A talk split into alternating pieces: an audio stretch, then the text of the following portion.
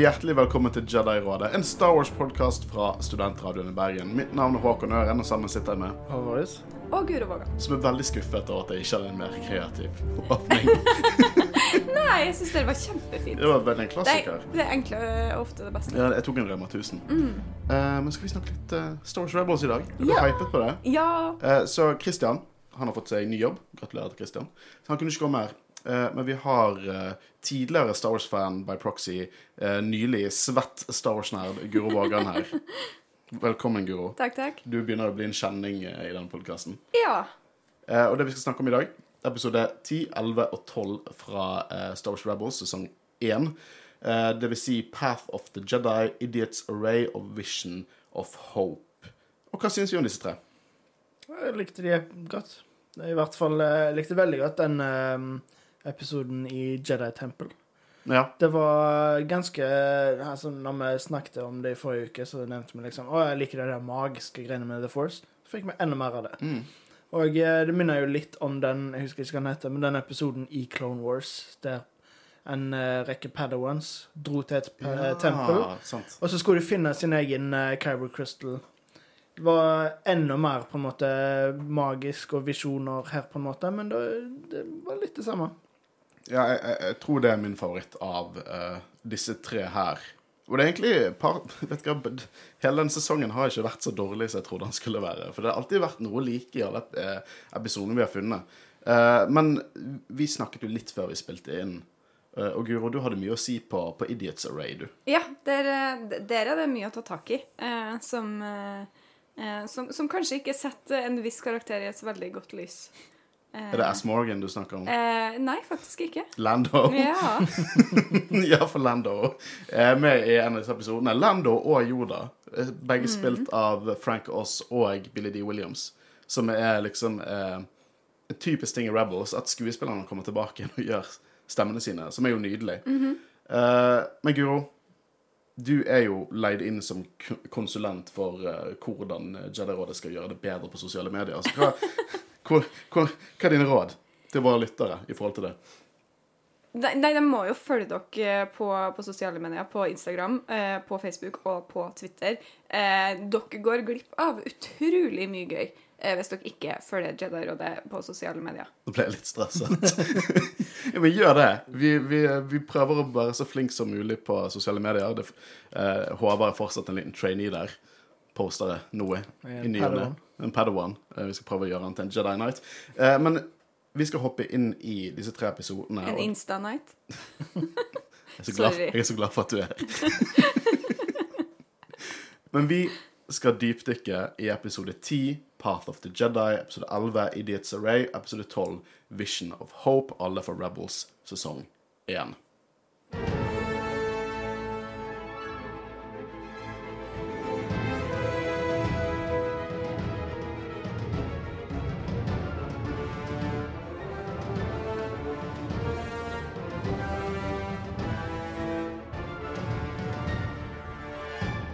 Og vi begynner med Path of the Jedi. Og uh, dette her er jo en Jedi-trene-episode.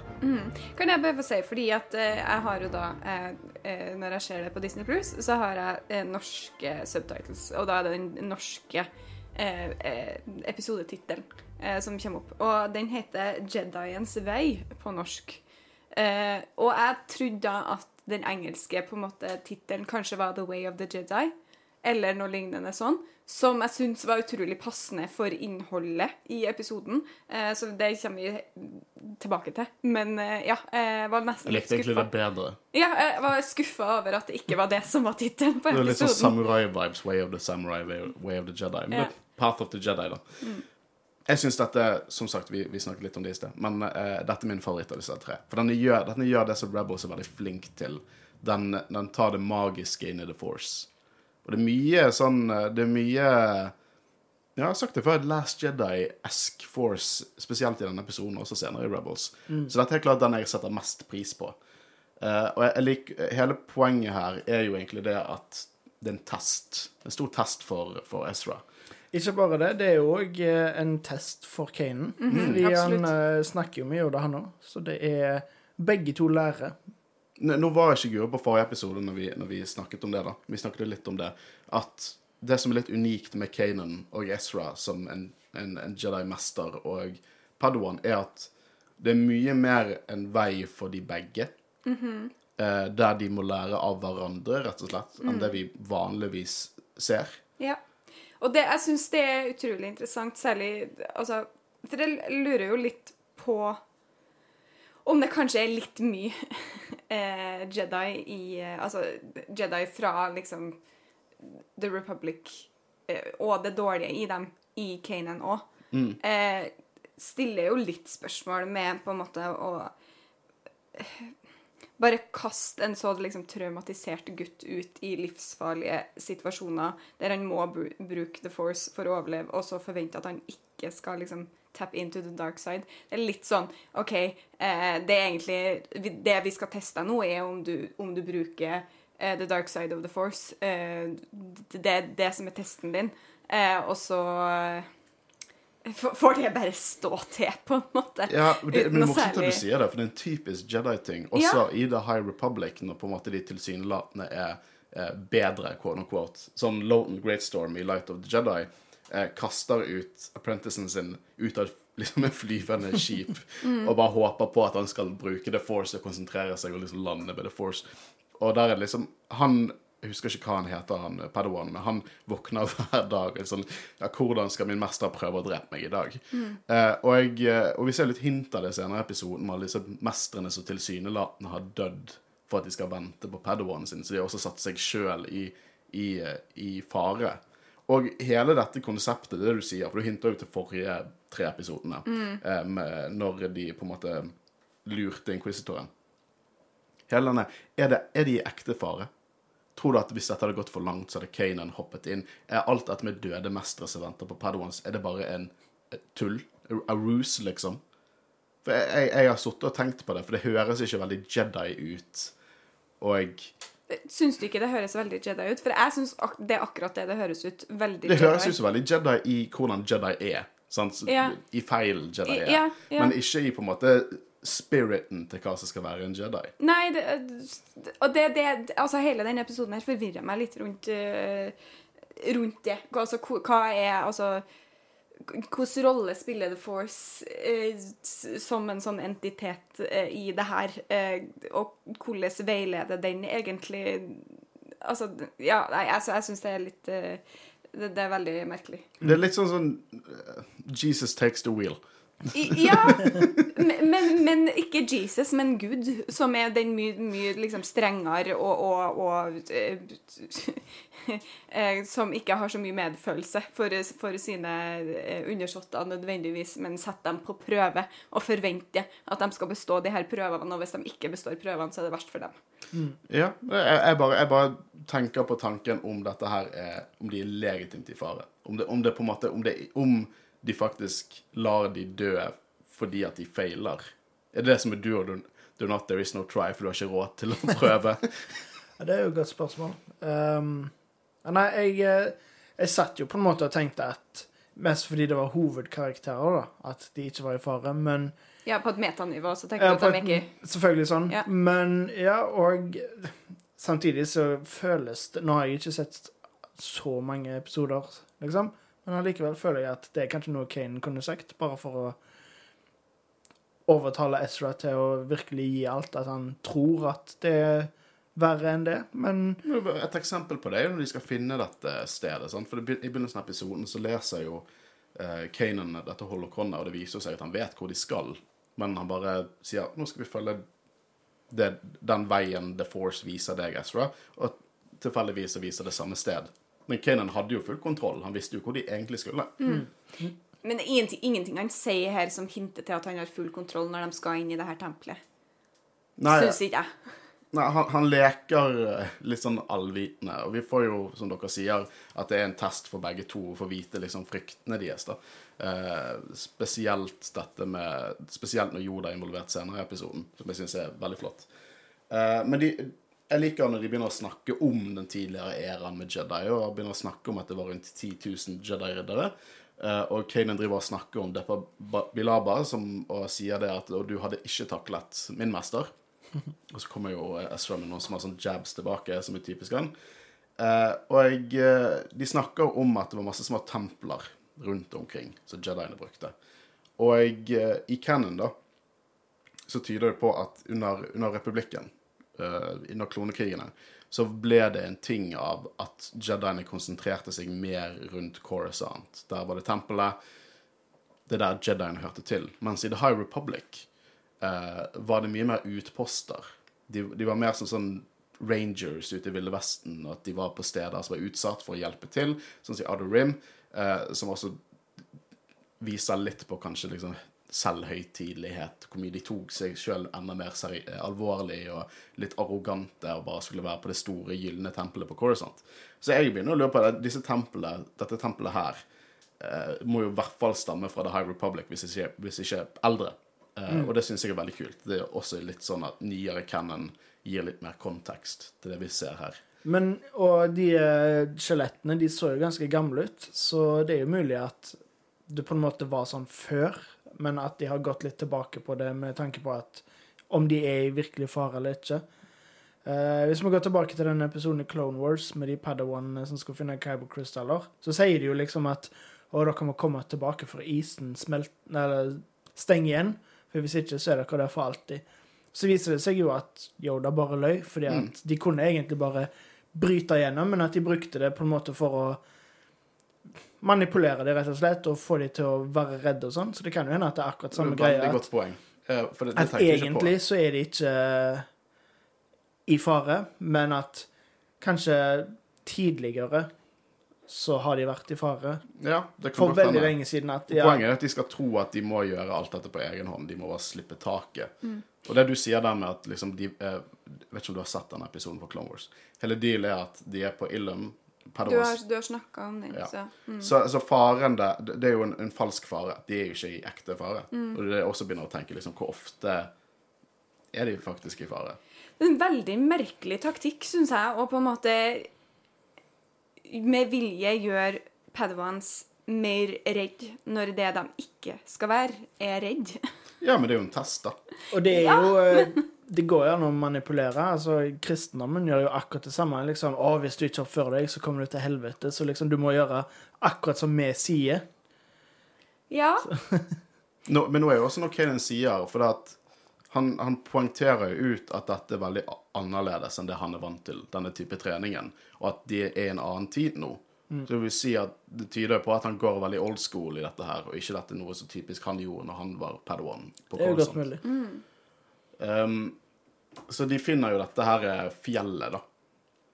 Eh, og de sier det her det er, men de finner ikke noe De finner ikke noe vei inn mens Kanan sitter og mediterer. Og det er en, enda en, eh, en test. Det er litt gøy at det, det er snø der. Det er ikke ofte vi ser at det er forskjellig klima på en planet. Eh, jeg vet ikke om det er et annet år siden det var snø i begynnelsen av episoden, eller om de var flydd nord på planeten. Men det er en sånn fin liten touch som vi veldig sjelden ser i Star Wars. Planeter med forskjellig klima. Det er alltid bare skog, ørken, vann. Eh, men de skal, det er en test, for de skal åpne opp dette tempelet sammen. Eh, så de løfter opp fjellet, rett og slett, som viser tempelen. Veldig mystisk. Veldig kult. Veldig fantasy. Eh, som er veldig Jeg syns det er kreativt. Og det er jo her du får se disse døde jediene som på en måte er dødd, død, død mens de venter på padawansene sine, og det har jo vi diskutert uh, til døde nå. Uh, men poenget der er at Ashra skal i hvert fall tenke, hvis, om det er sant eller ikke, han skal tenke at Kanan sitt liv er hans ender. For de trenger to personer til å komme seg ut og inn av det tempelet. Det er hele poenget. Og jeg eh, får sånne kryptiske beskjeder som at du skal lete etter ingenting og alt. Som ikke gir mening. Og det tror jeg Kanan anerkjenner ikke gir mening, for han sier det er noe hans mester sa til, til han. Det er litt det der do or do not, there is no try. Det gir egentlig ikke mening. Eh, veldig typisk eh, Jedi. Og mens Ezra er der inne, så dukker Kanan opp. Og hvor fort antok dere at dette var en vision? Med en gang, fordi at de sa jo liksom eh, at han skulle la The Force guide your way, og så er det bokstavelig talt Kanan kommer og sier 'Å, kom denne veien! Denne, Du skal springe denne veien! Følg etter meg!'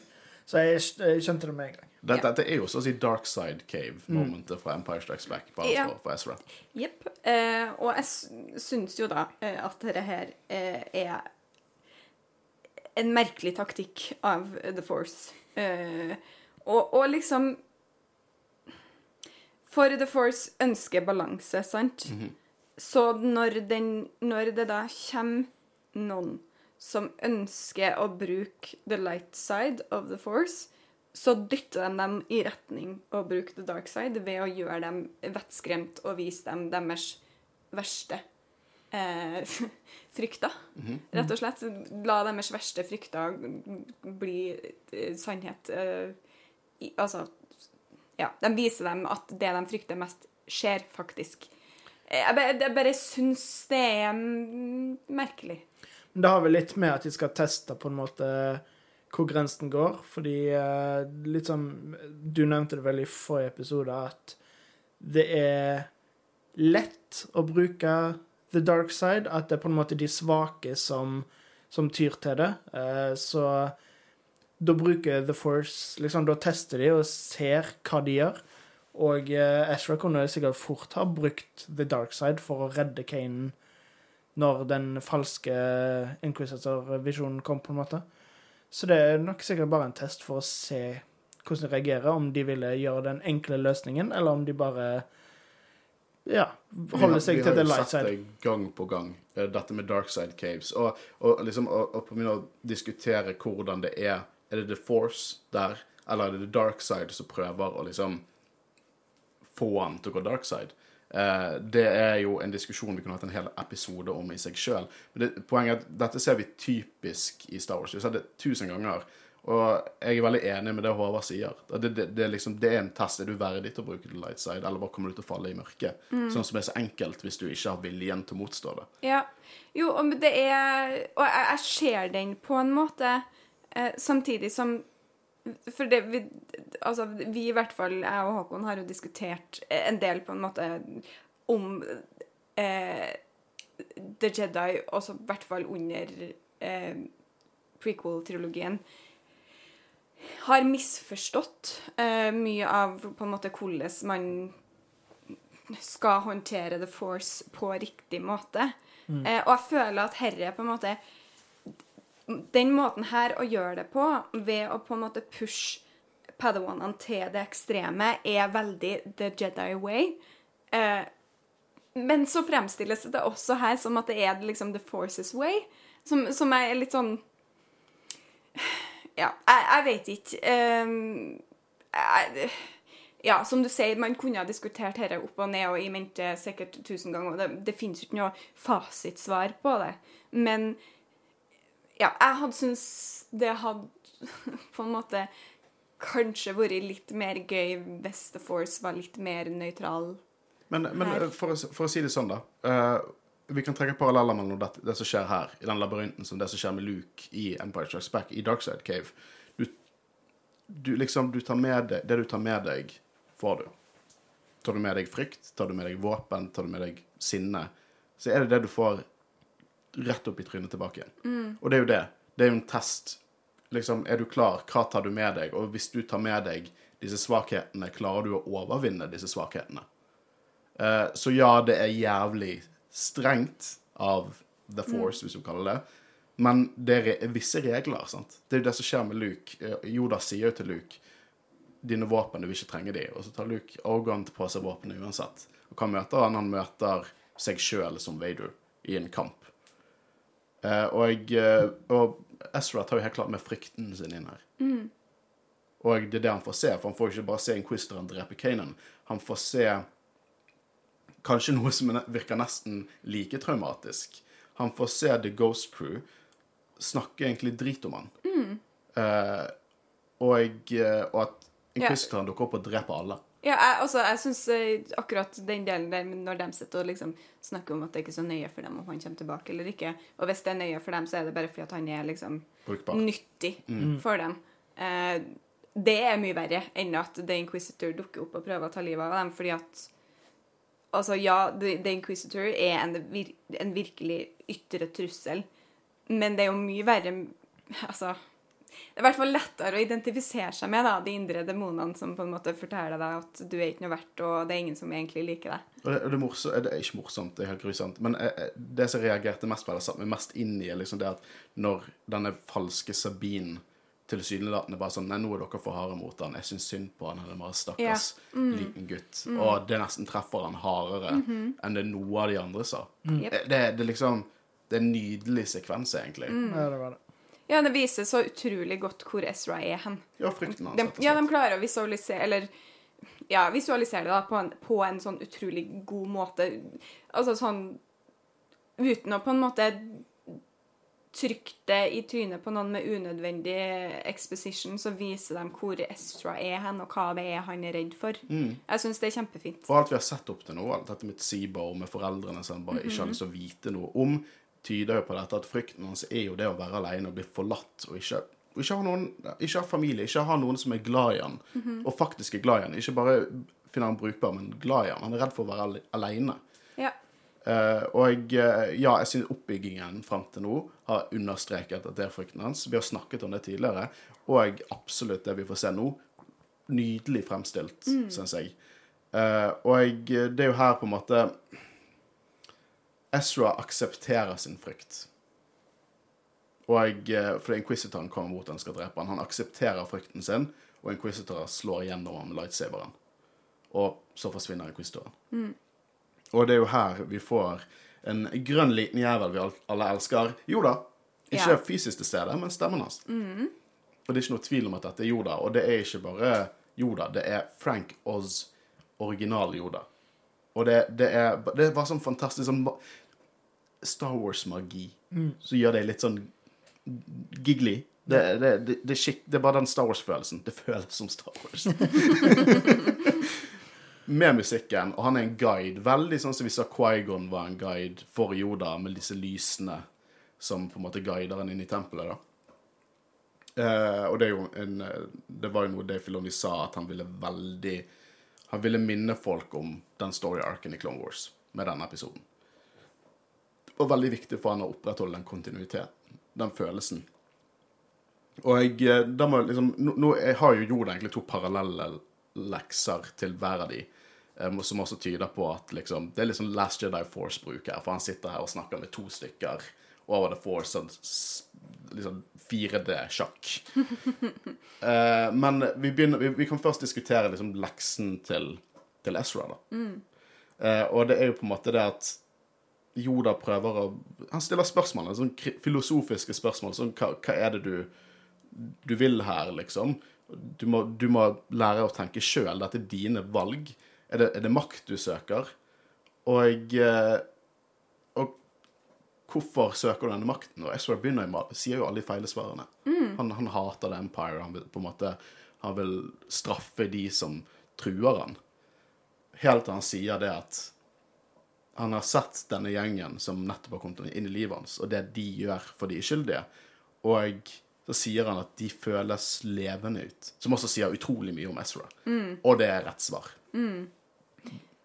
Ja, og jeg syns dette her er, det er kjempefint, og det er fint å se Ezra på en måte på denne reisen, eh, der han forstår på en måte at det er det er eh, crewet som er motivasjonen hans. Det er dem som, som er the guiding light i hans liv, på en måte. Men igjen, da. Jeg, bare sånn, jeg syns det er så utrolig nådeløs av The Force, fordi Jeg tenker i hvert fall at The Force skjønner en del av det her, og det er på en måte derfor det velger I hvert fall hvis vi skal gå ut ifra, da, at The Force skjønner at Skjønner hvor mye det her crewet betyr for Ezra. Og det The Force da velger å gjøre når han kommer inn her, er å vise at alle dør, og at, han, og at de ikke liker han. Og det skal være på en måte en, en lekse. Det er ganske nådeløst. Det er ikke bare nådeløst, det er nesten Hva heter det? Um, når du er slem med vilje og liker det.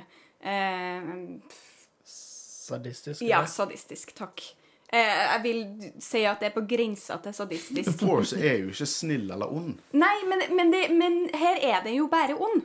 Ja, ja, Det er ikke litt snill Nei, men det er jo The, the Force er jo Liksom å diskutere The Force Det er vanskelig. Ja. Men jeg er veldig Jeg liker det det gjør. Liksom The Force er så vanskelig liksom Å akseptere the light side inne, og disse prøvelsene er så enkelt eller så vanskelig som du sjøl lar det være. Ja, men jeg føler jo at de har en ag agenda Eller altså, jeg vet ikke en, en agenda, men det, det, er ikke, det er ikke noe til hjelp. Hvor er liksom The light side føler jeg jo skal være på en måte litt, litt Altså den, den snille sida, på en måte, som er kanskje litt mer eh, gentle. Men jeg, jeg, jeg tror ikke du skal tenke på The Force som at du har en, en The Force, liksom som er på dark side, en på light side. Eh, vi har jo fått det liksom veldig representert i Mortis-arken i Clone Wars, der du på en måte har disse vesenene som holder hverandre i sjakk. Du må helt tenke på at det er bare ulike elementer av en kraft som holder seg i sjakk. De tar ikke side nødvendigvis. Det, det er ikke det som er poenget. Det, det, det er ikke en god eller ond del. Nå, nå, nå analyserer jeg ut av ræven min, det må jeg bare si. Men det er ikke en, et vesen som sitter sånn OK, du skal ha det litt jævlig nå. Det er på en måte, det er jo The Force guider sånn, men det er jo mye opp til disse personene om de er klare. Ja. Og pluss at The Force er sånn all-knowing. Force Ghost vet fremtid og fortid. Det er sånn Dette her får Christopher Nolan til å eh, rulle øynene opp i hjernen, liksom.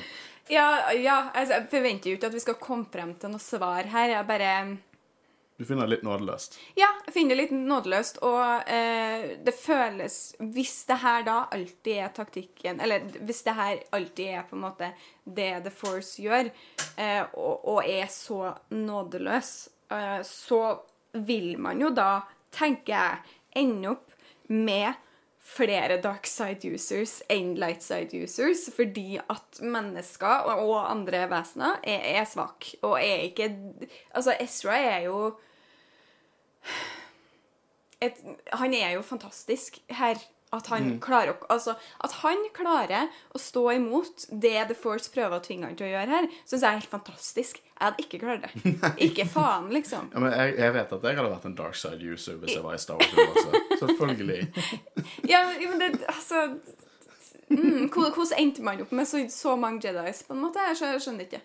Uh, men ja t- Ikke det at jeg tror at måte Star Wars på noe som helst måte er en allegori for kristendommen, men jeg føler jo litt at sånn som du eh, trakk frem, eh, eh, Håvard, at det er litt eh, den kristne guden, kanskje. Eh, ganske, ganske nådeløs, og det er veldig på, på hans eh, premisser. Jeg føler vi trenger litt Jesus inn her. Ja, men vi må få noen som bare er sånn der Nei, men nå er, nå er vi for streng. Nå må vi ha litt medfølelse, og vi må bruke liksom eh, litt eh, Litt, litt, eh, litt snillhet og litt eh, gentleness til å på en måte guide våre Nå må du også tenke at, som et element som ikke vi har diskutert her, disse dark side cavesene er jo ofte et sted som er fylt av the dark side. ja, Men er det her en dark side cave? Jeg må jo bare anta det. For det at vi trekker med en gang paralleller For til det er jo dark side Jedi cave. Temple. Er det altså dark side men det er tusenvis av det. Vi spilte jo Jedi Fallen Order. Da er det midt i et Jedi Temple, eller en, et Sepho-tempel, da. Men eh, liksom Different name, same story. Ja. Uh, og der møter du, uh, møter jo Cal Kestis samme type utfordringer. Du ser alt han frykter. Du ser på akt 2, et av de første templene, så er det en dark side cave under tempelet, som, som speilet som Ray ser, hun ser sin, sin frykt for å ikke finne seg sjøl og finne ut hvor hun kommer fra. Det er jo sånn det i, Tempelet på Coruscant i seg sjøl er jo bygd oppå et, et uh, Sith-tempel. Ikke at de har jo ikke De vet jo ikke at det er der. Men poenget er det at det er, jeg, jeg ser på det sånn at det er Jedi som bruker the dark side for å på en måte sile ut om, om de er klare. Og Ja. det er ikke sånn at hvis du ikke klarer denne testen, så blir ikke du Jedi. Vi har jo sett Luke klarte jo ikke testen. Luke feilet, da. Og så ble jo han Jedi. Så det er på en måte ikke noe sånn det, er ikke, det er ikke en absolutt.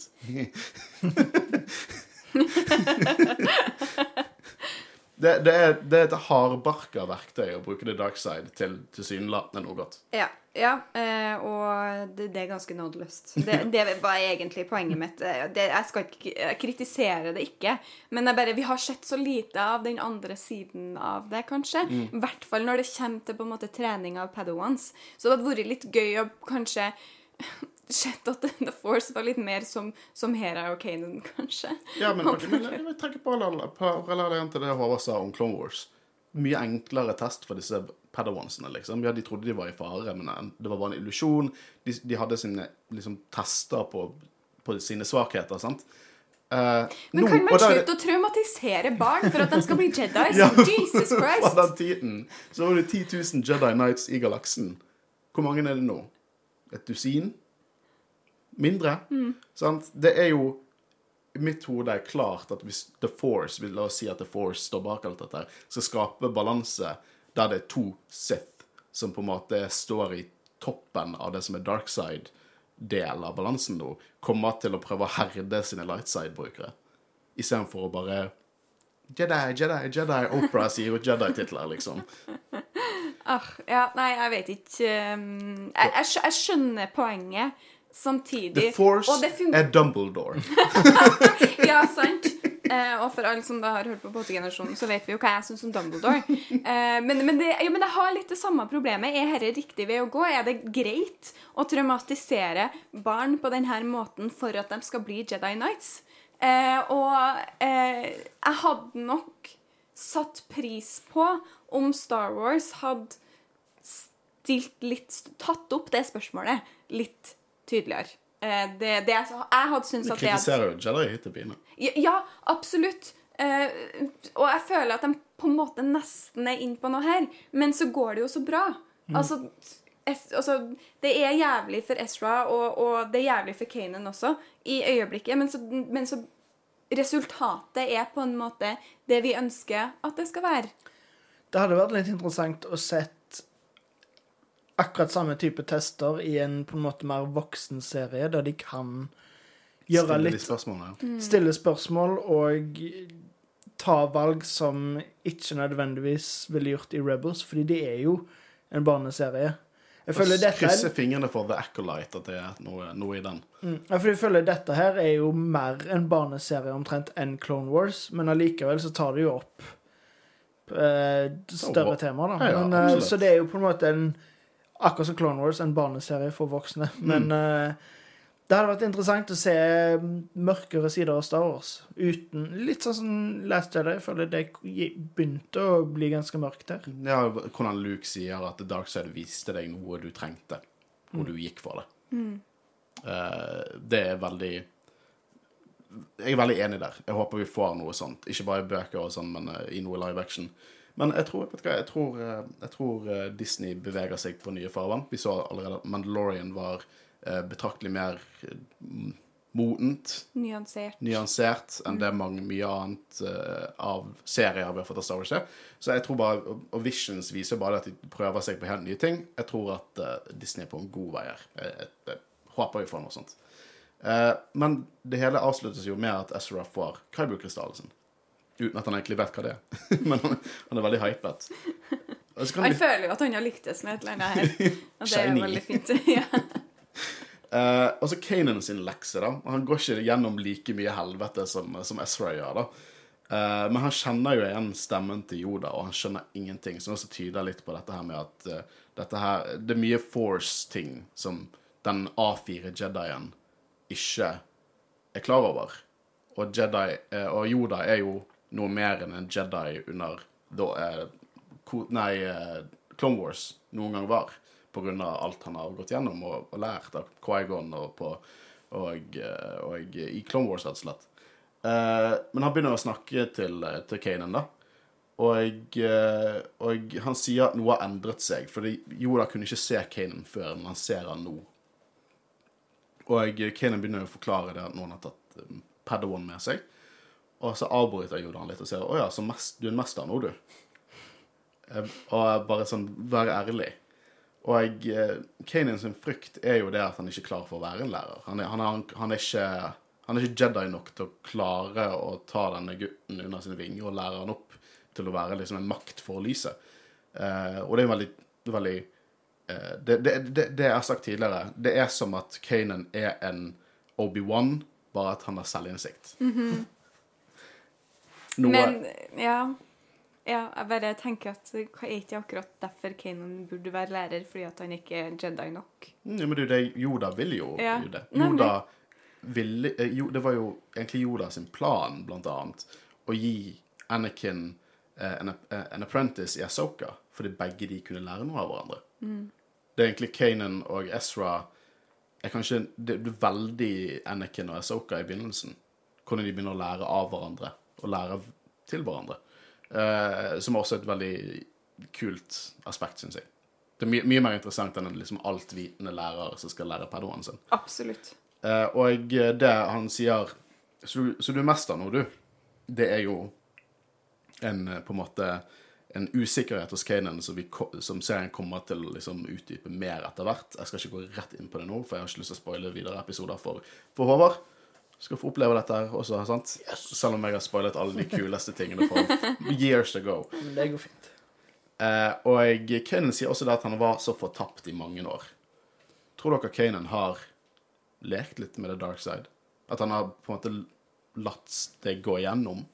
Jeg vet ikke, Det kan hende at det er mer litt sånn som Luke, at han skrudde av The Force. At han, ja. Det kan godt hende også. at han Sånn som du sa, at han på en måte har vært på kjøret og alt mulig sånn. At kan hende at han bare ville vekk fra alt det, men at nå begynner han å ta The Force til seg igjen. At han virkelig begynner å bli ett med det igjen. Jo mer vi sitter og dekker Rebels, jo mer er jeg sikker på at Ryan Johnson er stor fan av Star Wars Rebels. Som bare for han. Uh, jeg liker også når de møtes igjen, og Kanan sier at han Different but the same. Jeg vet ikke hvorfor, jeg bare liker det, den, den setningen veldig godt. Og så Kanan forstår han 100 Og så sier Kanan Oi, har du fått en Kyber-krystall?' og sier Ezra Wow, hva er en kyberkrystall? Eh, og da forklarer de med kyberkrystaller. Og på denne tiden når det kom ut, så var kyberkrystaller litt sånn Vet du hva, Legends var veldig rotete på, på, på krystaller med Star Wars. Du, var sånn, du har en amplifier-krystall, og du har en power-krystall, og, og det var liksom mye forskjellig dritt.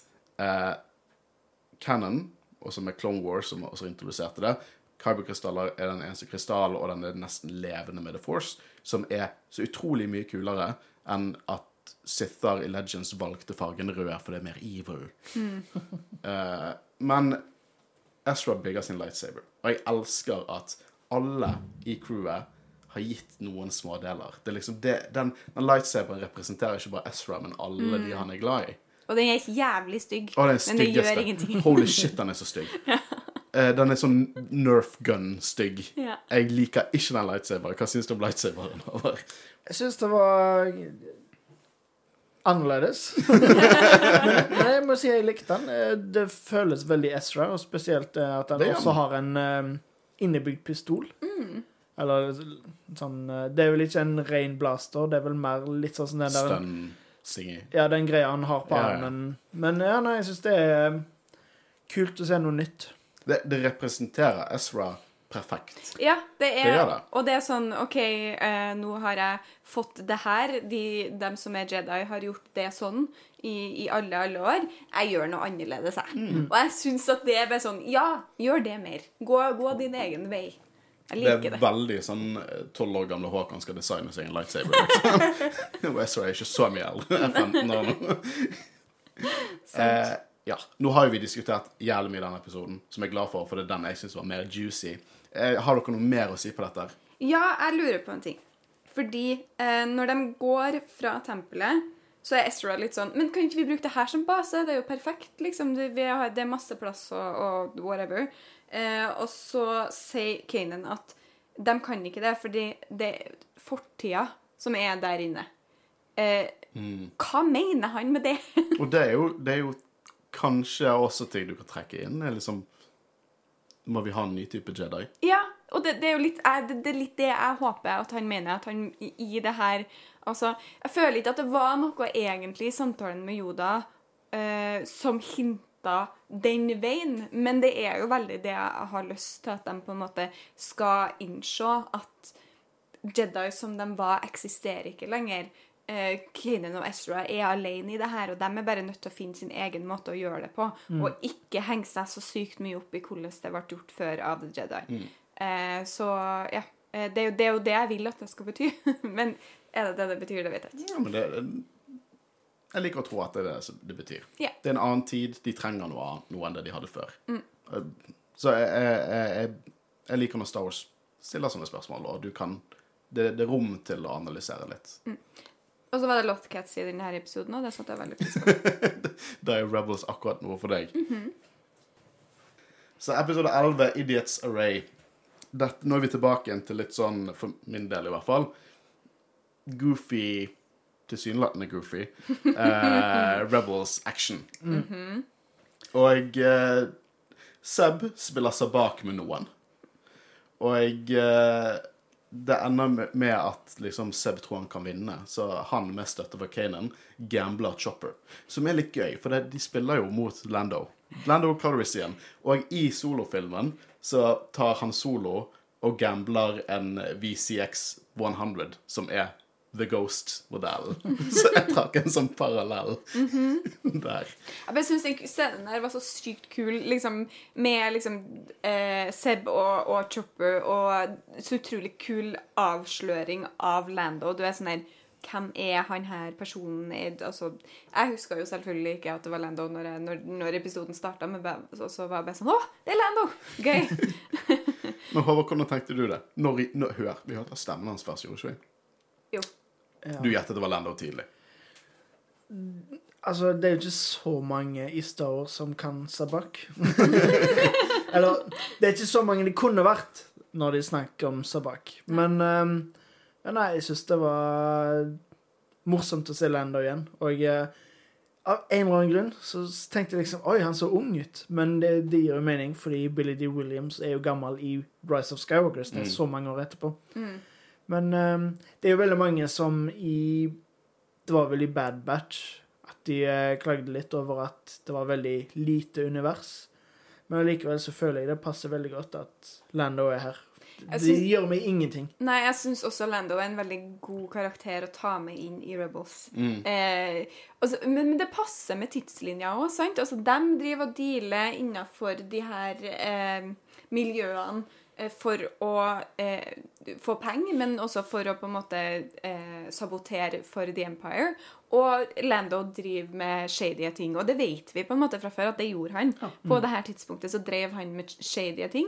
Han er en entrepreneur, Ja. så, han, eh, så han, eh, det gir mening at han reiser verdensrommet Mener du er en businessperson? og- business person?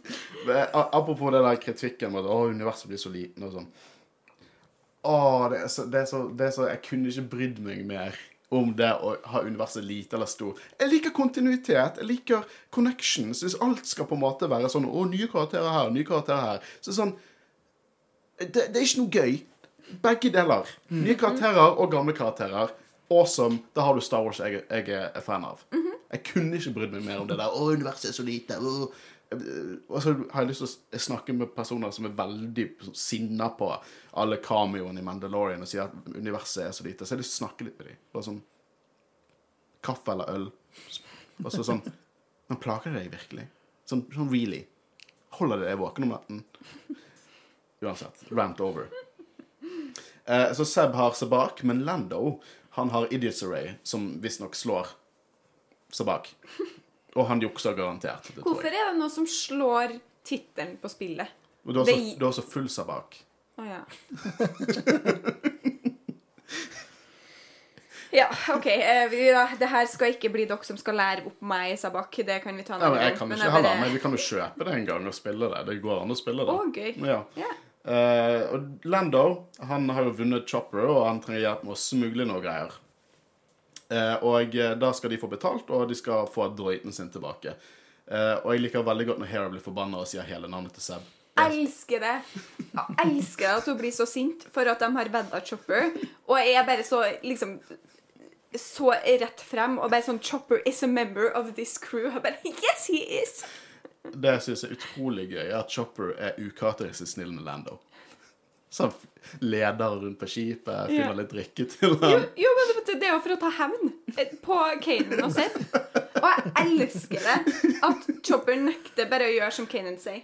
Kanan ber han om å gjøre noen ting, og så svarer han bare sånn Jeg er ikke et medlem av det her crewet lenger, så fuck deg. Det er jo akkurat det han gjør. Ja. Det er derfor jeg elsker Chopper. Han er så menneskelig på veldig mange måter. Han er Ja. som en fornærmet katt Ja. i denne episoden. Eh, jeg liker også veldig godt at Lando bare går rundt og flørter med alle damene på, på skipet. Ja, og jeg elsker at Hera og Kanan bare er sånn her Tror du vi er idioter? Vi biter ikke på det her i det hele tatt, liksom. Sabine biter på det. da. Ja, jeg vet det. Og jeg liker det òg, kind of. Men jeg bare elsker at Hera og Kanan ikke er Jeg bare elsker at alle gutter er dritforbanna. Så til og med. Kanan litt sånn mm, Hvem er du tror du er? Og sitter i et hjørne, og, og, og eh, Lando driver og kan du, ja, mansplainer alt og, liksom, og snur seg, og det betyr det. Jeg vet hva det betyr. men, men hvor gammel er Lando her? her? Lando eh, Jeg vil si at vet at Lando er ca. like gammel som, som han. Litt eldre, kanskje, vil jeg tro. Eh, så han er vel slutten av 20-årene sine, kanskje, vil jeg gjette. Jeg gjetter at han er slutten av 20-årene sine. Ja, så det For Sabine er 18-19 år, Ja. cirka. Ja, så det, hvis han er i slutten av 20-årene, så det er litt på kanten, men det er ikke så galt at det er, er Det, det skjer ting i den episoden som er mer på kanten. Ja, det, det gjør det absolutt. Bare, men det gjør det litt ubehagelig at han så tydelig har en veldig voksen mann sin stemme. Eh, det syns jeg, da. Eh, Men, men han, han, til, til Lando sitt forsvar så snakker han bare om kunst, liksom. han snakker Han snakker Han hører jo ikke det. Han, han, det, er åpen, det er jo åpenbart at han ikke er interessert i kunsten til Sabine, liksom. Ja, men jeg tror ikke han er interessert i å spaceboinke heller. Han har jo en, Jo! han har jo en agenda. Men, men Lando er alltid Likte interessert men, men Lando er alltid interessert i å spacebunke. Han er interessert Han i å har- spacebonke alle. Jo, men han har en Skulle ikke tro han prøvde seg på Chopper også, Jo, liksom. jo, jo, men han har en agenda nummer én. Agenda nummer to er alltid spacebunking. Altså definitivt. Og jeg håper det begrepet catches on. Uh, han snakker jo litt om uh, Janer of Bith, uh, som er en sånn stor propagandamaler som eh, jobbet for republikken, liksom for å support our boys in eh, Clone Armor, og no, senere for The Alliance to Restore the Republic. Uh, så det er jo veldig passende at, at uh, Sabine tar mye inspirasjon fra han. Og nå høres det ut som jeg bare har masse sånne historier om en Star Wars-maler. Nei, dette er bare canon som blir lagt, laget for å backe opp denne episoden av Rebels. Som er litt stilig. Eh, han var en biff. De kantinene som spiller uh, jizz. Ja, ja. Så de er veldig kunstneriske, da. Ja, i hvert fall. Han er Janor. uh, så de kommer til et annet skip, da, Emergent One, og så sier Lando bare 'play along'. Og jeg, jeg ble litt sånn forvirret her. Fordi de kommer til As Morgan. As Morgan, han er en uh, Jablogian, eh, og det er basically sånn Jabba så ut i konseptkunsten.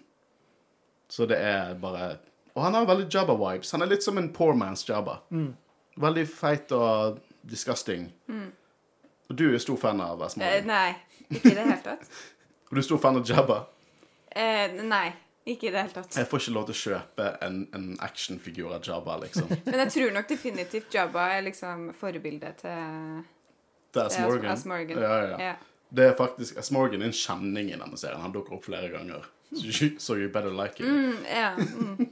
Eh, så hele dealen der er jo det at han, As Morgan har noe som Lando vil ha, og eh, Lando bytter det med Hera som slave og sier 'play along'. Men de må jo ha diskutert noe mer før dette skjedde. De kan ikke bare gjort det der og da. Jo. Hva skulle tror, tror du at Lando har sagt noe til Hera om at det skulle skje? Jeg håper det. Nei. Men så han er så shady, altså. ja, Du virker veldig bestemt på dette. ja, men altså, det er jo helt åpenbart at det var ingen som visste en jævla dritt om hva som skulle skje. Heldigvis så er Hera dritsmart, så hun skjønner hva det var Lando drev og snakka om når han liksom hinta om, om escape pods. ja. Heldigvis. For det er jo det han gjør når de går Ja, inn dit. ja. Eh, Altså, men, men Lando er bare en Altså, boomer er ikke riktig ord, men han er liksom a man's man som bare går rundt og gjør akkurat hva faen han vil, og får sjelden noen konsekvenser ut av det, og tar veldig lite hensyn til, til andre mennesker. Jeg liker Lando. jeg.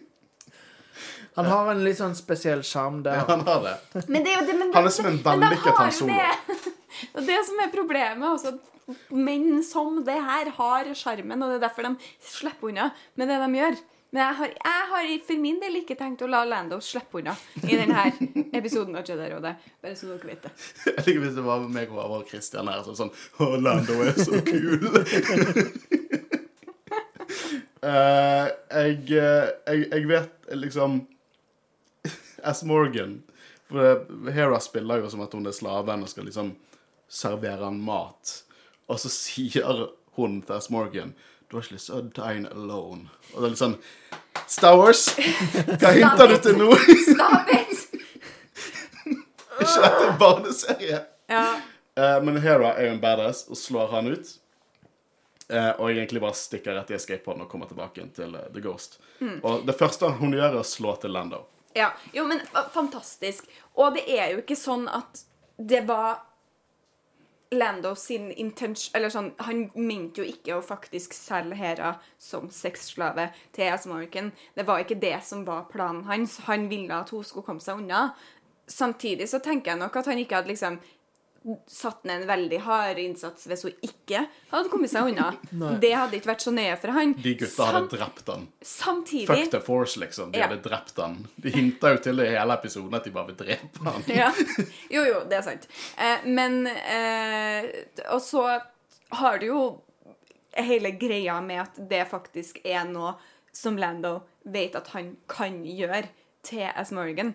Eh, og jeg, jeg liksom måtte sjekke opp det, dobbeltsjekke det, at det ikke på en måte var den avtalen de hadde i utgangspunktet. Men det er helt tydelig ikke det. Når de kommer inn, så sier liksom S. Morgan at han har Jeg har noe du vil ha, hva vil du gi meg eh, in return? Så, så de har ikke noe avtale om hva det er Lando skal komme med han Kom til med han. Kom Hva Var det rett? Ja, jeg, jeg tror vi skjønte det du Ja. prøvde å formidle. Kom til han med! Ja. nemlig. Eh, men Lando vet jo da at det er et alternativ å selge en sexslave til S. Morgan. Han er den type fyr som setter pris på det.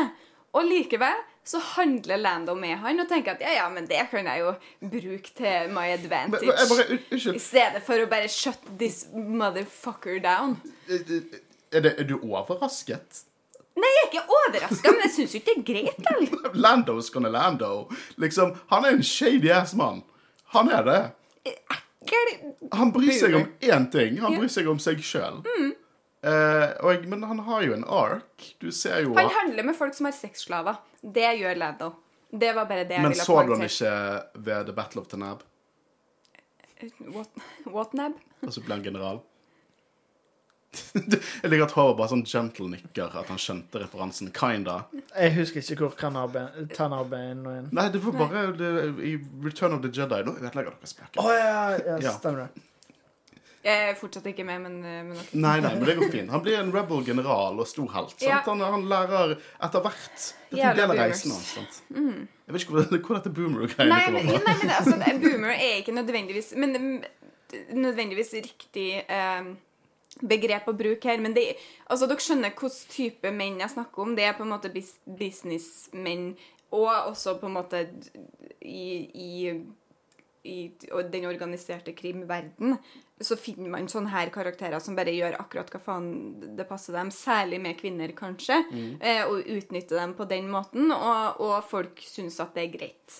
Det er ingen som eh, Og det er jo ikke greit. Nei, nei, men det er ingen som stiller dem til ansvar for, for det de driver med, og det de støtter opp under. Selv om det ikke var Lando Selv om Lando ikke faktisk hadde tenkt å selge Hera som sexslave, og selv om det heller ikke var det som han hadde Altså, han hadde ikke kommet til å selge noen annen heller som sexslave nødvendigvis, så handler han fortsatt med en mann som har sexslaver. Og uansett hvor mye kriminell underverden det er, så er ikke det greit i min bok. Nei. Takk for meg.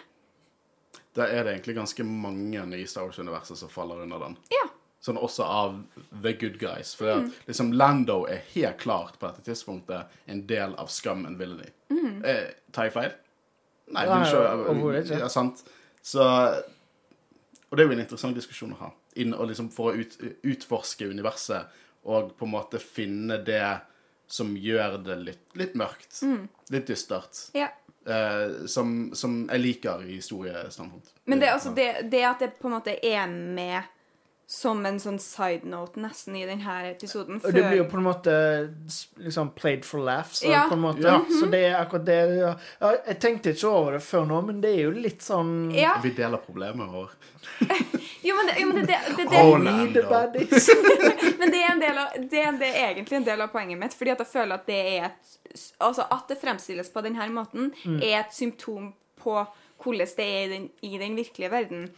Og det er jo jævlig vanskelig å ta tak i det i den virkelige verden. Ja. Og da skal vi faen meg i hvert fall ta tak i det i på en måte eh, eh, Star Wars-universet. eh, og, og i eh, eh, Jeg tenkte, I ikke, fantasi, jeg tenkte ikke på det på den måten Nei, du sa det. men, men jeg syns For jeg er, så, jeg er så dratt inn i law at jeg bare finner det interessant. Og sånn, men det er jo played for a laugh i et kidshow. ja, Ja. at, at han har sexslaver. Men det kan jo hende at det er litt fordi at han er for lik han var i originaltrilogien. Fordi Ikke at det var greit da, men det var på en måte Det var en annen tid, og uh, han var jo alltid sånn i Empire Strikes Back mot Leia. Liksom 'Oh, hello, gorgeous', og liksom sånne ting.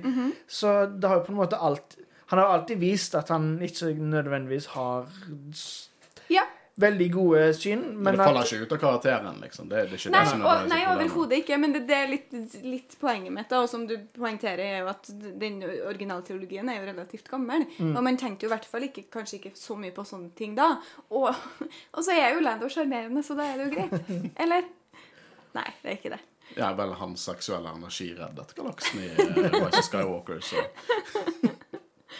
Men Puffer Pigs, altså sofistikert gruvedriftutstyr, som Lando kaller det Eller bare jævlig søt. Og, eh, For det er et eller annet levende han får. Og selvfølgelig tar Seb og Ezra og på en måte åpner opp craten for å finne ut hva det er. Og det er en gris som blåser seg opp til å bli en ballong, som en pufferfish. Bare en gris. Ja, det var så gøy. Det er så, det er så sært, og det er så typisk Star Wars, men det bare passet veldig godt inn. Jeg må si at når jeg først så dette her, i 2014, så er det sånn Come on, hva faen er dette for noe? Nå? Jeg vet ikke om jeg har blitt, jeg vet ikke om jeg har blitt klokere med årene, eller som Håvard sier, funnet mitt indre barn. Jeg bare liker det. Dritsøt. Og når Den Ka- stakkars pufferpiggen som er kjemperedd for å se på CBB. sånn, Men hvorfor er du redd for meg? og Kanan så bare går ut, og så sier han "Kiss- I don't wanna know. Kanen er ganske bra i denne episoden. Bortsett fra det at han liksom støtter Seb med å uh, vedde vekk eh, Chopper. Men eh, Kanen var konge i denne episoden. Uh, så nå skal de komme seg gjennom denne blokaden. Uh, så, så Lando har jo prøvd på dette tidligere, og det er noe jeg antar at han går for denne grisen, for den er organic, så han kan ikke dukke opp på noen skannere. Det var sånn jeg tolket det i hvert fall. Så de lærte at de skulle komme seg opp forbi blokaden, få tak i den handelen, så tilbake igjen på Lothal. For jeg ble litt forvirret av det først. Sånn, hvorfor drar de tilbake igjen til Lothal? Feilet de? Nei da. De skal få tak i Pufferpiggen, komme til Lothal. Eh, og Chopper han klarer å scramble signaturen, og alt går egentlig tilsynelatende veldig bra. Eh, men Ezra, som alltid, fucker opp hele driten. Liksom, Kast han ut av airlocken. Han er bare farlig. Han er det. Hva faen er det som skjer her? her? han vil til Sabine. Han vil redde Sabine fra, creepyland. han er sjalu. Ja. Eneste, Ja, fra hans synspunkt, eneste grunnen til at Ezra holder på å drepe de alle Det er som flere Star Destroyers, da, en blokade. Det er fordi han er sjalu, så han fucker opp den pufferpiggen som allerede liksom dekker 30 av skipet, til å være enda mer redd. Eh, og eh, de må bare komme seg vekk. Og apropos konsekvenser. Har ingen konsekvenser for at du nesten holdt på å drepe all, den lille familien din nå fordi du var sjalu, din lille drittunge. Fascinerende hvordan du er mer sint på det enn at Lando handler med folk som er sexslaver. Ja, nå har jeg liksom del av researchen liksom puffet meg litt opp, litt som denne grisen. Eh, men de, de kommer jo seg gjennom dette. Det er jo ikke så mye å si om denne chasen. Den er ganske fort og effektiv. Eh, og jeg, Hera er jo bare den beste. For hun ser jo gjennom Lando. Lang vei. Eh, og de lander på Lando sitt land, på Lothal, uh, gjennom blokaden, og som er visst kjøpt av Visago. Vi vet jo hvem Visago er. Uh, og visstnok er denne grisen veldig flink til å lukte mineraler. Det er liksom en, en Star Wars-trøffelgris, bare en finner verdifulle mineraler istedenfor. Eh, så det er bedre enn en scanner, og det er på en måte The Empire vil ikke finne ut at han driver gruvedrift på sitt eget land, som er ulovlig for private. Eh, jeg syns det er veldig bra at de har litt sånn aktive kontroll. Sant? Ingen private selskap. Alt skal liksom gå til staten, og så skal de fordele det. Staten burde eie oljen og fordele ressursene det Ja, The. Empire! Ja. Thank you. Eh, og nå dukker jo S. Morgan opp, og han all, ha alt nå, for han er veldig sliten, for han har drevet og, og løpt. uh, så han vil ha alt. Han vil ha, han vil ha skipet, han vil ha alt, absolutt alt. Uh, og jeg, han har med seg masse vakter. da. Og jeg liker designet på de vaktene. Det skriker sånn 60-talls, 70-talls sci-fi. Sånne store bug eyes og helt klart ser ut som sånn det er laget for en sånn lavbudsjettsfilm på 60-tallet. Jeg syns det er en nice touch. Og jeg, det er jo her for å se at det blir en kamp. Det blir, det blir en gøyal kamp. Ezra sin lightsaber er også en blaster. Uh, så der blir det på en måte revealet, og igjen denne spøken med at Kanan bare sånn Å, min gjør ikke det. uh, og det som skjer i da, er jo det at Chopper redder dagen. Han redder reven til alle de der nede. Eh, og eh, de, prøver, de skremmer grisen for at den skal bounce. Det er sykt gøy. Det er bare sykt gøy action. Og eh, Chopper strever som en helt med, med det, det fuel-tanken. Jeg bare elsker det. Han, han jobber ræva av seg for å få til det der. Ja, Man, jeg tror han tenker litt han må bevise sin plass i mannskapet nå, så ikke dette her skjer en gang til. For det, det, er, litt ukarakteristisk av Chopper å være så Å gjøre ting han ikke må gjøre. For han får tak i en hel tønne med drivstoff. Eh, Ja.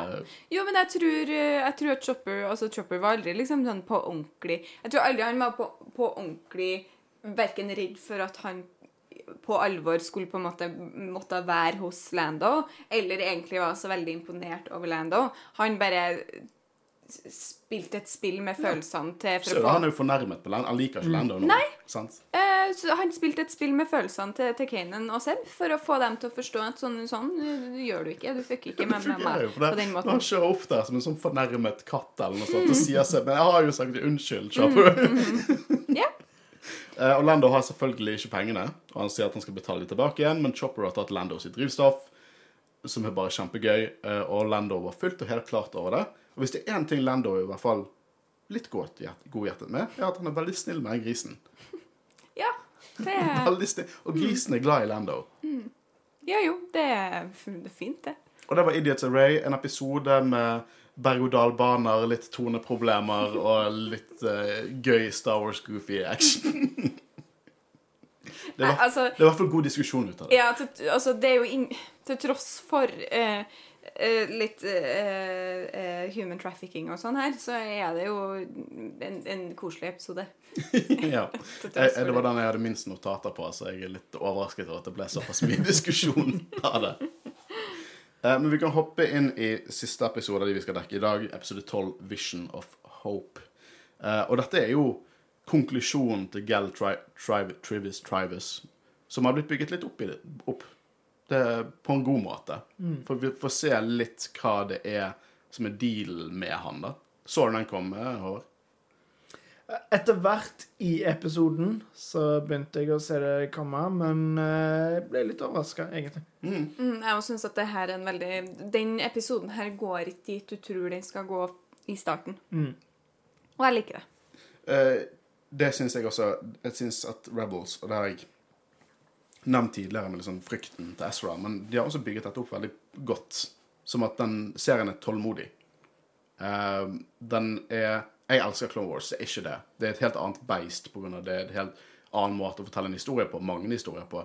Men det er veldig sånn lite Hvis det hadde vært en ark i Clone Wars, hadde det på en måte vært sånn du får vite det i slutten av første episode, og så, og videre og så videre. Mens her har vi nesten sett ferdig en hel sesong, og opp igjen denne sesongen så har vi krydret inn litt dette med Holonet-recordingsene til denne senatoren, og på en måte eh, fått uh, publikummet til å stole på den, da. Sånn at tilsynelatende er dette her en good guy, så viser det seg at det er noe mer til det.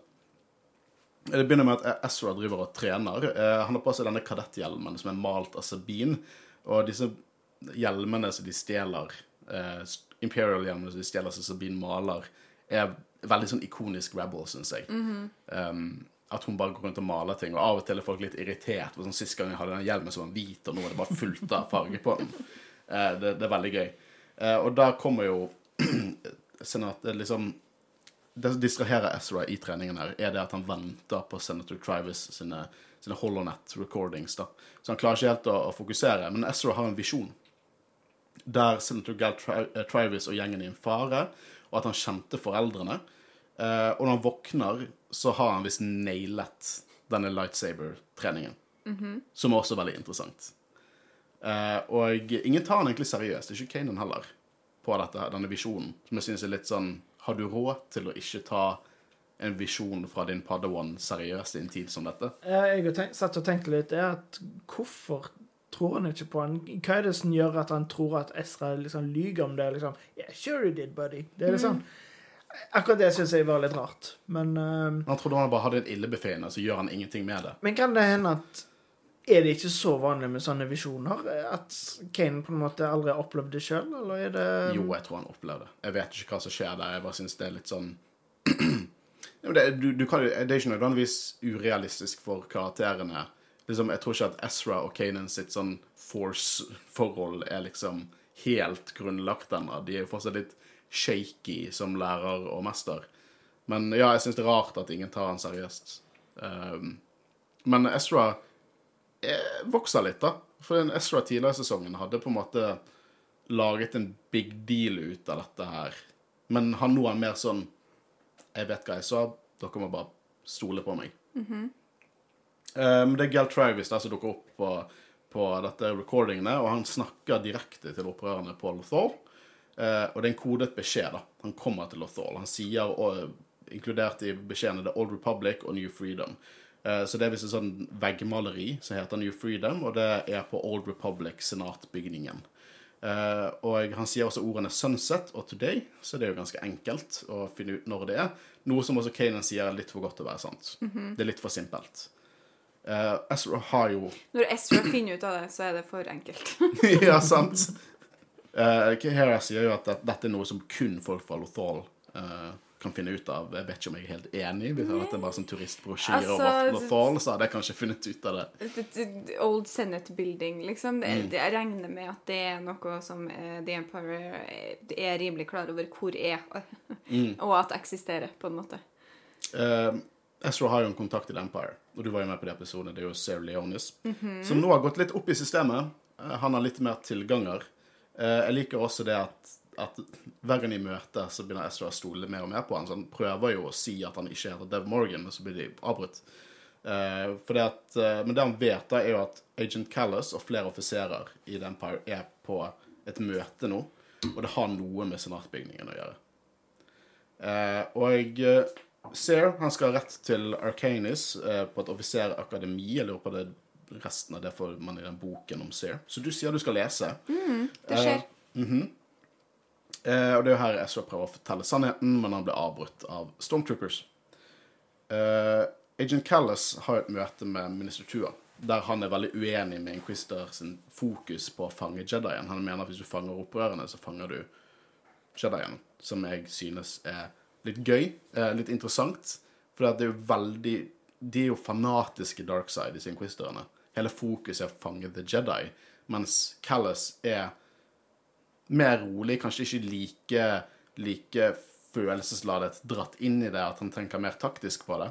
Og jeg er jo helt enig med, med Callas, eh, og jeg, jeg liker For Callas får en jævlig god karakterutvikling gjennom denne serien.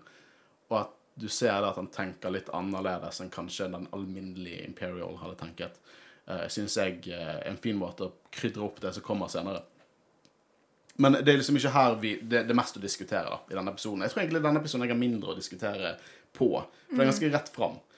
Ja, jeg sånn Jeg vil litt grann tilbake til liksom vision til, til Ezra og reaksjonen til folk til crewet, og det, kanskje særlig Kanan. For jeg, jeg er litt sånn forvirra eh, av, av det her eh, Jedi Master og Padawan-greiene, og hvordan man eh, lærer opp eh, folk til å bruke The Force. Og det, altså, Ezra påpeker det jo fordi at han sier at du sier alltid at jeg skal på en måte trust my feelings. Og nå føler jeg at eh, det her visionet, det stemmer, og jeg har rett. Eh, Det føles riktig ut.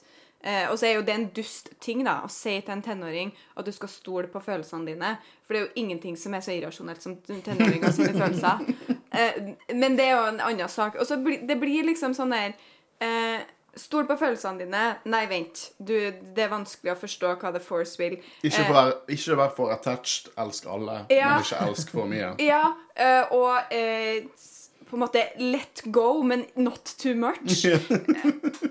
Ja, det, det er bare Altså Dark kan, side. kan man få noen litt konkrete instrukser på hvordan man håndterer The Force, please? Nei, det er ikke det. Enten er du dark side, eller så klarer du å være akkurat i nåløyet Ja. til å bli en jeg, jeg skjønner jo at det er poenget, på en måte, men det, det, det er bare utrolig frustrerende. da. Eh, og og for, for Ezra også. eh, Jeg bare identifiserer meg veldig med han, fordi at jeg, har, jeg har et behov for å forstå hvordan The Force fungerer. Eh, Så du har vært en dårlig Jedi, sier du. Eh, Veldig fryktelig. Eh, men ehm, Ezra eh, møter jo folkene i det gamle huset sitt og forteller det han vet. eh, og de, han er jo redd for at The Empire skal fange Travis. De er ikke litt redd for at det er en felle. De tenker at dette er en felle for Travis. Kan ikke være noe annet. For det, Travis er jo så god. Uh, og at Travis er allerede ved senatbygningen. Men, men jeg skjønner jo det. Han, altså, I deres øye så ha, har jo han risikert livet sitt for å bryte inn i sendingene til The Empire for å snakke opp The Rebellion, på en måte. Hvorfor i all verden skulle The Empire lage en så innvikla plan for å ta Rebels? Det, det gir jo egentlig ikke mening. Jeg synes det, i Det er en utrolig god plan av Empire, Ja, for en faktisk. gangs skyld. Men er også en utrolig dårlig plan, for de får ikke tatt en dritt. Så ja. Det Men er, jeg, jeg jeg, jeg, jeg, jeg, jeg, synes operaen er litt for naiv. Og jeg kommer tilbake til det senere i episoden. De er litt for naiv. Men, og jeg synes at Empire, ja, er ukarakteristisk smarte i denne planen med, med Travis. men er det så jævla smart? De, de driver liksom De har Sånn som Ezra sier, det har vært ganske regelmessige sendinger av han her som driver liksom fyrer opp under The Rebellion. Det har jo helt sikkert hatt en effekt. Det har jo hatt en effekt på crewet, på, på Ghost-crewet, liksom. Ja, liksom. faen, det er sant. Ja, så jeg sånn Det er indirekte gitt propaganda til Ja, de skyter seg sjøl i foten, men de tenker at jo, men det her er verdt det hvis vi faktisk får tatt noen rebels. Det er en får, gamble, liksom. Ja. Men så feiler de jo, da. Totalt. Men eh, de, han sier jo senere at eh, de har jo klart å ta flere. Fordi Ja. måten de gjør det på, at de på en måte Jeg er helt sikker på at dette er bare en sånn skikkelig undercover eh, Er det ISB det heter? Det er bare etterretning. At de liksom finner mål, og så skjer Hva var det han sa? Skjer de ulykker etterpå, Ja. liksom? Så det Ja, Det er jo stemmer, å gå fra planet til planet. Det er jo sånn, ok, Så de har denne personen som firer opp flammen i opprørerne, og så ser de hvor er det vi får mer sånn aktivitet. Vi får han til å dra til den planeten, og så kvitter vi oss med de. Ja da. Ja, Det, det, de, sant. de, lokker, de lokker musene ut av husene. så, og så gir de litt ost, Ja. og så Ja. Jeg syns, vet du hva, jeg syns ikke det er så. Jeg syns det er ganske ingenious. Nei, Jeg hadde rett og slett glemt det at de faktisk har vært og, tatt uh, andre folk uh, tidligere. Uh, Mm. Så de, de får ikke tatt Ghost Crew, men de eh, Når Ghost Crew er altfor god. Og litt ja. naiv. Men, men det, er en- det er en utrolig gamble å ta av The Empire og sende de her sendingene på HollowNet som er liksom obligatorisk å ha på i barer, f.eks. Men vi vet jo ikke nødvendigvis hvor utbredt disse sendingene er. da. Det kan godt hende at det er en lokal ting de Er det bare på Det, det vet vi ikke nødvendigvis, sant? men at de på en måte OK, nå er det, nå er det på Lothal, så la oss liksom sende inn denne, dette signalet her. For de har fullt mulighet til å gjøre det. Ja, så ser det ut for dem som er der, som at herre her er noe som går overalt. Mm. Men det Jo, så hvis, hvis, eh, hvis The Empire har gjort det, da er jeg imponert. Jeg er kjøper at det er det de har gjort. Ja. For det, det gir ikke, ingen mening, til og med ikke i Rebels, der stormtroopere er som eh, battle droids, at, eh, at de skal Propaganda er farlig, og det vet jo Empire. De Mm. er konger av propaganda sjøl. Mhm. Jeg tror ikke de har sendt dette Galaxy Wide, liksom. Men ja, og uh, i den episoden der med Empire Day, så i den Holonet-sendingen så nevner de jo Lothal. Og med tanke på hvor mange tusen stjernesystemer og planeter og alt sånt det er, så det gir ikke mening at liksom en på bokstavelig talt andre siden av universet liksom Skjer det noe på Lothal i dag? Jeg aner ikke hvor det er engang. Så det må jo være lokale sendinger Jeg tror, det, jeg tror det er basert så- på systemer. Det er rundt omkring ulike systemer. Det er ulike uh, variasjoner av, uh, av f.eks. The Imperial Broadcast-kanal på Holonet. Det, yeah. det, det kjøper jeg. Hvis det er sånn det er, så er dette ganske ingenious. Så er liksom basically NRK sine distriktsnyheter. Ja, så ikke stol på NRK. Eh, men de skal snike seg inn, da, for Travis er allerede i senatbygningen. Og Chopper er helt konge i denne episoden. For de skal snike seg ned i kloakken, og så skal Chopper eh, lukke dørene, så gjør han det litt for fort. Sånn at, mens Kaden driver og gir han ordre. Og så sier Chopper Yeah, yeah, yeah. Shut the fuck up. og det er akkurat det han sier. Se den scenen igjen. Han sier yeah, yeah, yeah. Shut the fuck up. det er ikke så diskré engang. Og jeg elsker det. Ja, det er helt fantastisk. Og det er eh, Jeg så jo de tre episodene som eh, dere har dekket mellom jeg var med forrige gang. Eh, og da var det òg en sånn der shut the fuck up, eller eh, som Chopper kommer med, som jeg syns var ganske tydelig. Og det er litt sånn eh, Altså Ja, jeg syns det er fantastisk, fordi at som noen som er yngre, så tror ikke jeg du nødvendigvis plukker opp på det, men når du er voksen, så er det jævlig tydelig hva, hva det er som foregår her. Og, det, Og så det- det er kommer du deg forbi liksom sensur og R-rating, ja. for det er jo ikke det de sier. sant? Jeg syns det er helt konge. Fikk du med deg at han sa det? Eh, jeg hørte ikke det. Jeg, jeg tror jeg må se episoden på de. Ja, for det er litt sånn Det, det, det er ikke alltid du får det med deg, men Blinken you miss it, liksom. Ja. Hvis du ikke følger helt med på lydene som kommer ut av Chopper, så, Ja. Så, så får ikke du med deg. Men det er helt klart der. ja, Så når, du har er- sett, når, vi, når vi har sett hele Rebels, skal jeg vise deg en YouTube-klipp der det er subtitles. Og det er helt konge. Mm. Ja, det er dritgøy. Det er off, uh, Hva heter han igjen? Han som har stemmen til Eh, Chopper. Dave Filoni. Det er Dave Filoni, ja. Mm. Jeg syns bare det er helt fantastisk. Og jeg tror Dave Filoni har hatt det så jævlig gøy når han har vært stemmen til, til Chopper. Han får liksom Han får lov til å beholde eh, det, det liksom barnepreget som han er så glad i, samtidig som han får lov til å liksom være så stygg i munnen som han bare klarer. Jeg, jeg syns det er en fantastisk kombinasjon. Jeg er veldig enig. Mm. Eh, Protocol-droidene til Travis veldig lik concept-arten til C3PO. Veldig liksom, Litt mer følelsesløs, ikke, ikke så mye overrasket som C3PO ser ut. Eh, veldig kantete, og det er jo også noe kult som Rebels gjør. Trekker inn som de gjorde det med Smorgan, eh, og noe med disse drøytene. Eh, og han står da, Travis, inne på ved The New Freedom-maleriet. Eh, og de går inn og prøver å advare, men Callus og The Empire dukker opp. Hvem skulle sett den? Eh, og jeg, når, når på en måte Ezra sa til Callas at han er Jabba the Hutt, så tenkte jo jeg ja, ja, det går rett. Det er liksom det, det skjønner jo Callis er bare bullshit. Men han kaller jo Han sier Kanan Jarris Jedi Knight, Padawan Jabba. Eller bare det med sånn Jabba? jeg, jeg, jeg, jeg, for jeg hadde glemt at han hadde sa at han heter Jabba til Callis. Det hadde jeg helt glemt av. Så jeg bare sånn Hva faen var Hæ? Men- Padawan Jabba? Ja, for at eh, han er en agent i ISB. Han må være klar over hvem Jabba the Hutt er. Ja. Jabba the Hutt, som er nå understreket, har vært en av de største gangsterne i over 200 år.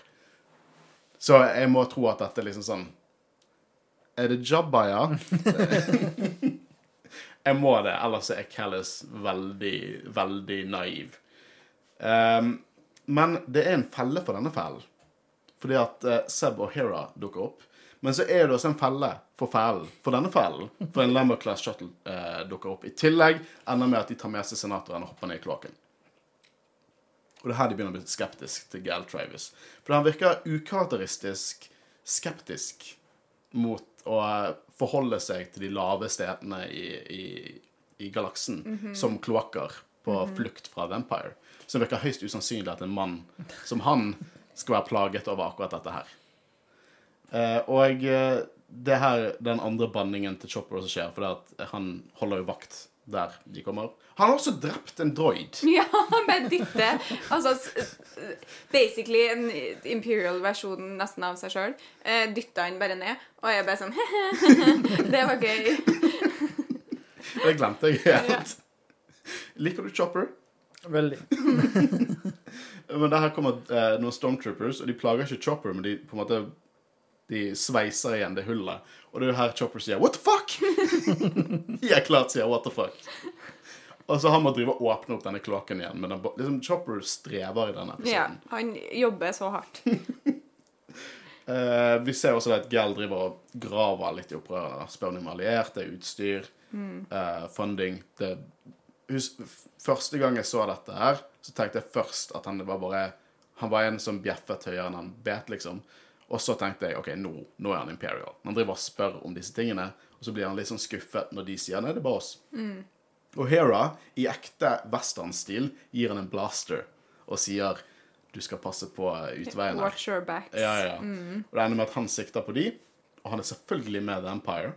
Og det er her vi revealer hele planen, at han har blitt brukt for å eliminere opprørere på ulike planeter. Han snakker om The Bridger Transmissions, som visstnok var foreldrene til det er Ezra som drev og på en måte hadde egentlig legitime sånne transmissions.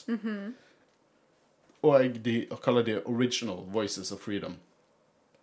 Så de har jo helt klart inspirert The Empire da, til å bruke det mot, mot de. Uh, men det er ingen power cell, eller det er ikke en ladet uh, pistol. Og så tar Ezra bare slår til den og sier at en ekte opprører hadde visst om han holdt en ladet pistol. Jeg tenker bare, Hvor mye veier strøm? Det er Hera som sier det. Er det Hera som Ja, sier det det? Ja. Hera som sier det. For selvfølgelig har Hera skjønt det. Ja. Selvfølgelig har hun skjønt at han her er en eh, imperial Hun er, hun, hun er liksom. den mest kompetente personen Ja, i hele crewet. Hera er for god for den alle. Men Hera vet hvem hun er, og, Ja. og ja, vi får mer sånn dypdykking i hennes eh, fortid og det som er svakheten hennes, men hun, hun har så jævlig kontroll. Hun er en fødte opprører. Til de grader. Og det, det gjør det, altså Bare for å trekke Bad Batch inn i det, det gjør det så utrolig gøy å få se henne som ung i Bad Batch. Ung og usikker og, og vet liksom Har i det hele tatt ikke funnet sin vei ennå, men så ender hun opp her, på en måte. Eh, ja, bare, det er fantastisk. Eh, det som skjer nå, plager meg. Fordi at de slår han ut, og så stikker de. Eh, hvor mange opprørere har de potensielt indirekte drept nå? Ved å ikke Drepe han. Ja. Jeg vet en barneserie, men, mm. og nå husker jeg ikke helt hva som skjer videre med, med han og med igjen. Men eh, det er bare stupid. Her skulle vi hatt litt Rogue One-mentalitet, faktisk. At uh, opprørerne de må bli litt De må få hendene sine litt skitne. Og hvis ikke de er klart å skrive det inn, la han dø på en eller annen måte som ikke er deres feil. Ja, det er, det er jo et, eh, et dilemma i, i veldig mange sånne typer serier, og, og generelt. Altså, hvor, hvor, hvor langt skal du gå i kampen mot eh, Altså, hvor, hvor lik skal du bli i Hvor lik skal du bli fienden din i kampen mot dem? Eh, når mister du deg sjøl? Når blir du like ille som dem? Eh, og de er ikke, det er jo ikke sånn at de ikke tar livet av Imperials. Det gjør de jo definitivt. Eh, men, eh, men det er jo Med frukt. Men det er jo vanskeligere, da, ansikt til ansikt med en mann som, som er bevisstløs. Det er jo ikke like enkelt. Men han var jo ikke Han ble slått ut, og han var jo våken. Ezra så jo, Jo på da. han skuffet, liksom. Ja, ja, men lell, han er jo forsvarsløs. Men Callis var også skuffet over han, så det Han fikk den. Alle er skuffet over han. Ja. Nei, jeg, altså jeg, jeg ser den, jeg ser den, og dette eh, var også en diskusjon vi hadde veldig mye i Harry Potter, der eh, trioen, eh, Harry, Hermione og Ron, veldig ofte møter eh, Death Eaters og ikke dreper dem. Eh, som, de, som jo da Og så er Death Eaters som tar livet av deres venner igjen senere. Det, det, altså det, jeg syns det er dritvanskelig, fordi at jeg vil ikke på en måte Hva hadde, hva hadde gjort med Ezra å skyte eh, den her mannen i kaldt blod? Eh, Altså, had, hva hadde vi syntes om Hera hvis hun gjorde det? Hvis Mm. hun faktisk gjorde det? Det hadde forandra hele karakteren hennes òg. Så det, det er dritvanskelig, og jeg har ikke noe svar på hva Men syns jeg om det. vet hva, men jeg synes at Nei, man har ikke noe svar på det, men det, det er mulig å skrive om på det, syns jeg. Så hvis ikke du jeg skjønner hvorfor du ikke har lyst til å la dine veldig likbare hovedpersoner eh, drepe noen i såkalt blod. Eh, men skriv det inn, da, som en konsekvens senere. Dette gjorde ikke de, dette er en konsekvens av det som skjer. Eller hvis du absolutt skal gjøre noe der, hvis ikke han skal dukke opp igjen, la han dø på en måte som er ute av deres hender. Sant? Om, om det på en måte er noe som skjer som det ikke er deres direkte skyld, sånn at de fortsatt ikke blir sudlet. Hvis du skjønner hva jeg mener. Jeg bare, det irriterer meg, og det er derfor, dette er en grunn til at jeg elsker Rogue One. For du ser litt det der aspektet. Det der, hvor langt må du gå før du er akkurat som fienden? Med, med, med, med Saw Gerrera, med Cassian Andor, som dreper sin egen informant fordi han er redd for hva han skal si til The Empire. Eh, opprørerne, som, som, en, som en faction innad dette fantasiuniverset, trenger litt mer av det. Og Rogue One ga meg det. Eh, som også er en grunn til at jeg liker Rogue One veldig godt. Ja, jeg er ikke uenig med deg, eh, samtidig som jeg det, tror Ja, det er Det hadde i hvert fall vært noe som hvis de skulle ha gjort det på den måten Jeg er jo enig i at, kunne, at han kunne ha blitt tatt livet av på en annen måte, men det, har jo, det er på en måte ikke relevant i diskusjonen rundt skulle Ezra eller skulle Jeg, jeg kan skrive det drept. nå. jeg. Inquisitoren kommer, og så Jo, jo, jo. Men, men, men det har jo ingen effekt på liksom at det var dumt av dem å la han være levende. Ja, ja men eh, bare det at de vitnet til det. At, at det hadde skjedd. på Ja, nå hadde det skjedd. Ja, At de visste Ja. at han var Og da kunne min headcanon vært det at de hadde egentlig tenkt å drepe han etterpå. Ja. Det er veldig sånn meta versus in universe, dette her. Ja. Hvordan vi Jo, skal diskutere eh, det. Ja, jeg syns det, det er vanskelig, for jeg klarer ikke helt å, å være enig i Være 100 enig i at jeg syns at Hera eller Ezra eh, skulle ha tatt livet av henne. Ja, For da hadde de måttet gått mye dypere inn i det. Da hadde de måttet liksom tatt konsekvensene av at de tok det valget. Det hadde måttet vært noe som hadde blitt diskutert. Eh, og, og er det plass til den, å ta den diskusjonen på en god måte? Eh, det hadde vært en veldig interessant diskusjon. Definitivt. Eh, men, det er det, men er det plass å ta det. Nei, er det, Skal er bare la Chopper gjøre det. ja, Ja. ja, ja. kanskje Kunne sånn Lion King. eh, liksom, Når de klatrer ut av uh, kloakken, så kunne han fulgt etter. Så hadde det bare sånn. Fuck you! Jeg liker også når det, noe av det siste serien er når han driver og kutter opp denne jævla tunnelen, og så kommer det bare en lightsaber opp, og han er sånn eh, Som bare viser at Chopper har, har strevet i hele episoden, men det er ingen som anerkjenner Nei, strevet hans. nei, sant. Og så avslutter det jo litt um, på en somber note. Med at uh, Kanan sier at vi må bare stole på The Force, og det som kanskje gjort at du feiltolket denne visjonen din. For at Ashford tok jo feil. Det er jo det som skjedde. Han, hadde, han feiltolket visjonen sin. Igjen det at han var for investert i sine personlige følelser, sier Kanan. At du så det du ønsket å se. Og det som han så, eh, var jo det som skjedde, men det var tatt ut av kontekst, sant?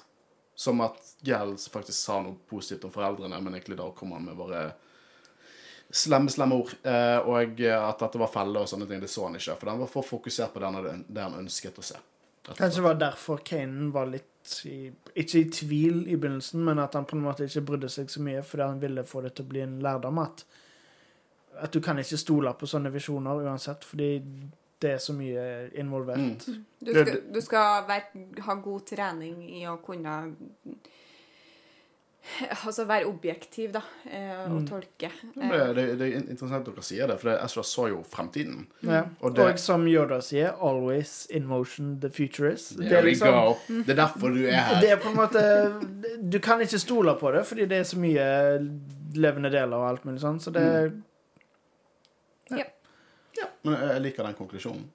Gjengen trøster, med hverandre, trøster hverandre og ser håpefullt på fremtiden. Ja.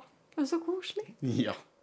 Det var tre også ganske solide episoder. Eh, foretrekker episode, eh, første episode av disse her. Eh, altså Path of the Jedi. Syns den var helt konge. eh, det er liksom Golden eh, Rebels. Har vi noe annet konkluderende tanker om dette? her? Nei, ikke noe annet enn at jeg syns det er gode episoder, og de holder høyt nivå egentlig gjennom alt. Selv de dårligere episodene er ikke dårlige, det er bare mm, noe som Ja, noen er sterkere enn andre, men det er jevnt høyt nivå. Ja, jeg synes at tematikken til serien er liksom definisjonen av det som er på en måte god Star Wars. Det er en tematikk og, og, og, og liksom en beskjed som alle i alle aldre kan tolke på forskjellige måter og kan være viktig for absolutt alle, både voksne og barn. Spesielt dette med liksom å på en måte akseptere din frykt. Hva er din frykt? Det, det, det er karakterer du virkelig kan, du kan sette deg sjøl i. Mm, du kan se deg sjøl i dem, og, Ja. og Jeg er soleklart chopper. skulle ønske jeg var Hera, men det er jeg definitivt ikke. Eh, mer Estra, tror jeg. Eh, Uff. Ja, men jo, men altså, til og med Estra, på en måte eh, Jeg liker han mye bedre nå enn jeg likte han når jeg så det første gangen. For når du på en måte setter deg ned og faktisk på ordentlig sånn, går dypt i hva er det de prøver å formidle her Han er en utrolig godt skrevet tenåringskarakter som er eh, irriterende og gjør utrolig dumme valg, men som har så mye bagasje med seg. Og, og hele den historien de forteller her i, i de her episodene med eh, foreldrene hans og, og den på en måte den bagasjen han har med seg fra at han har levd alene på gata, og, og på en måte at han gjerne vil knytte seg til crewet, men ikke tør det helt. Fordi at han er så redd for å bli forlatt igjen. Det, er- det, mm, ja, det, det er vakkert. Fantastisk. Jeg elsker det. Jeg kunne ikke sagt det bedre sjøl. Eh, det blir som sagt utrolig mye mer Rebels på oss. Vi er snart blitt ferdig med hele sesong én. Uh, det gikk fort, men det er nå flere episoder i sesong to og tre enn det var i sesongen. Uh, det er mer av oss, Jedi-rådet, neste uke. Men tusen takk for at du, du steppet inn uh, i dag, Guro. Ja, det var, det var gøy. Jeg kommer gjerne tilbake. Ja, og det, det gjør du nok garantert. Eh, du på en måte den første jeg spør om du være gjest. For du sitter som regel på sofaen ved siden Ja, av. var fryktelig enkelt eh, å, å spørre meg. Eh, mitt navn er Håkon Øren, og jeg har sittet sammen med Overhus. Og Guro Våga. Og vi snakkes neste uke. Ha det bra. Ha det bra.